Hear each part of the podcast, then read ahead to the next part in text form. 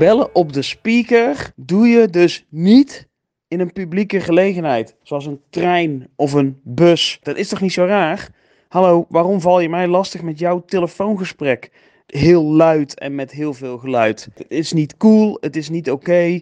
Laat me met rust. Je gaat op eh, zaterdag eh, naar de supermarkt. Nou ja, weet je, je verwacht dat het druk is, is ook niet erg. En je moet even naar de flesseninname, omdat je wat statiegeldflessen hebt. Nou, er staat een rij, kan gebeuren. Wat blijkt? Voor je staat een man met een winkelwagen vol met statiegeldflessen. Die blijkbaar voor drie maanden lang gespaard heeft en eh, het nu gaat inleveren. Nou, dat duurt even, maar ja, zo is het nou eenmaal. Blijkt dat het apparaat aangeeft uh, hoeveel flessen je hebt ingeleverd. Dus je kunt gewoon zien dat deze man netjes 107 flessen aan het inleveren is. En vervolgens nog twee kratten. En hij zet een krat erin en die wordt geweigerd. Nou wil het zo zijn dat dit apparaat precies aangeeft waar, welke plekken in je krat de verkeerde flesjes zitten. En ik had het al gezien, hij had duidelijk uh, verkeerde soort flesjes uh, in dit uh, Heineken-krat gedaan.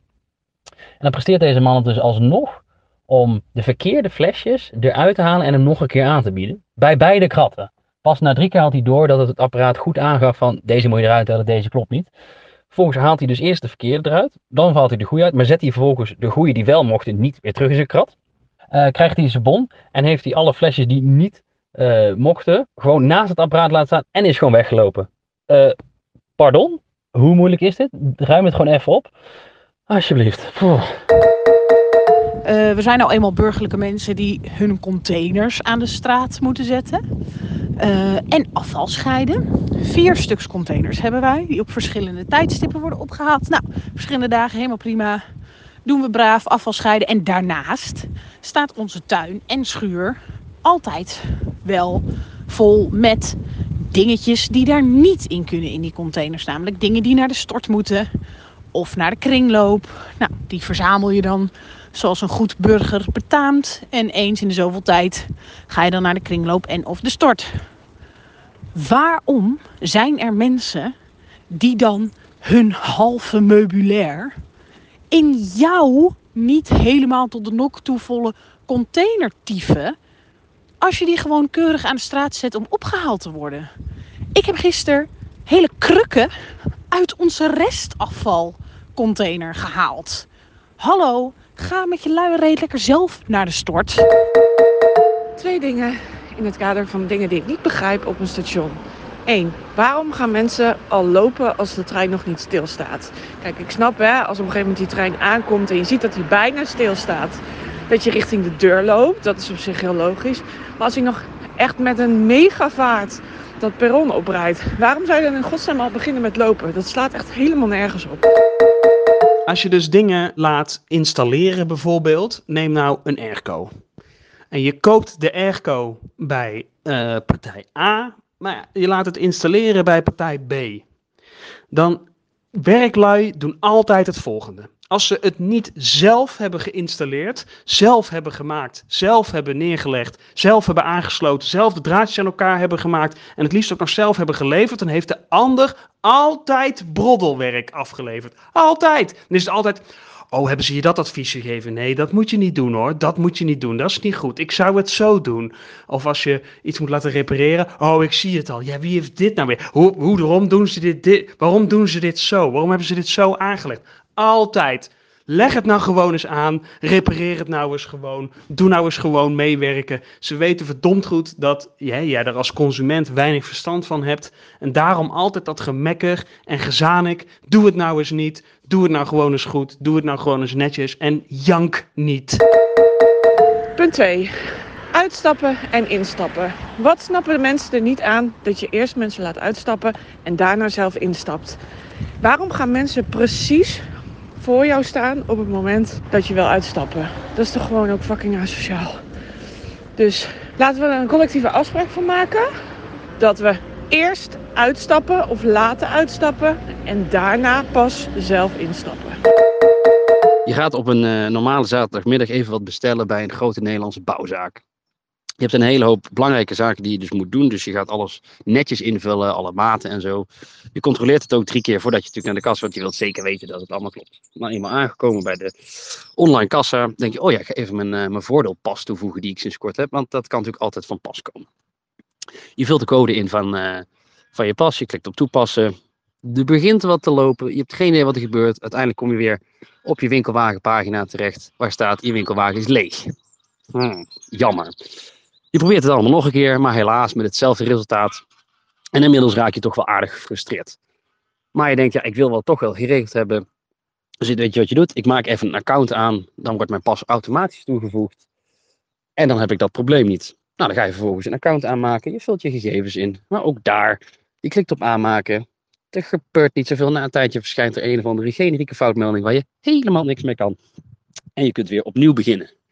Dan besluit je toch maar eens even de klantenservice te contacten, want je wil het toch wel geregeld hebben. Je hebt er inmiddels zoveel tijd in zitten. Laten we dan ook maar het goed doen.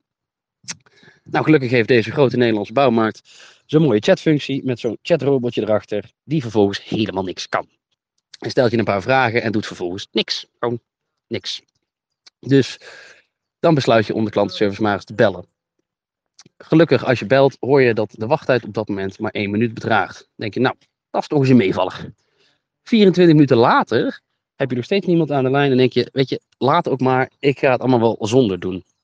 Hoe kan het zijn dat zo'n grote onderneming het nog steeds niet geregeld heeft en op zoveel vlakken het tegelijk misgaat? Ik bedoel, als je een kleine organisatie bent, snap ik dat, maar je bent een grote Nederlandse bouwmarkt. Maar ja, daarentegen doen ze hun categorie als doe-het-zelf-zaak wel eer aan, want ook klantenservice, je moet het blijkbaar zelf doen.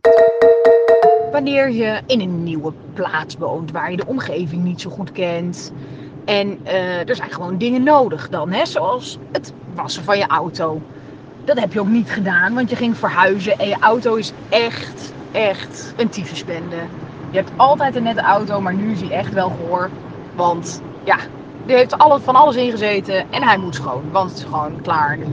Dus je doet even een googeltje. Nou, beperkt aanbod wel al. Maar je vindt een wasstraat die net vernieuwd is in Bennekom of all places. Nou, prima. Op je vrije dag rij naar Bennekom. En je ziet, oké, dit is niet zo'n wasstraat waar ik doorheen getrokken word. Nee, dit is gewoon oldschool. Zo'n ding wat heen en weer gaat. Ondertussen hoor je de volgende wasstraat. Ik kom hier zo op terug.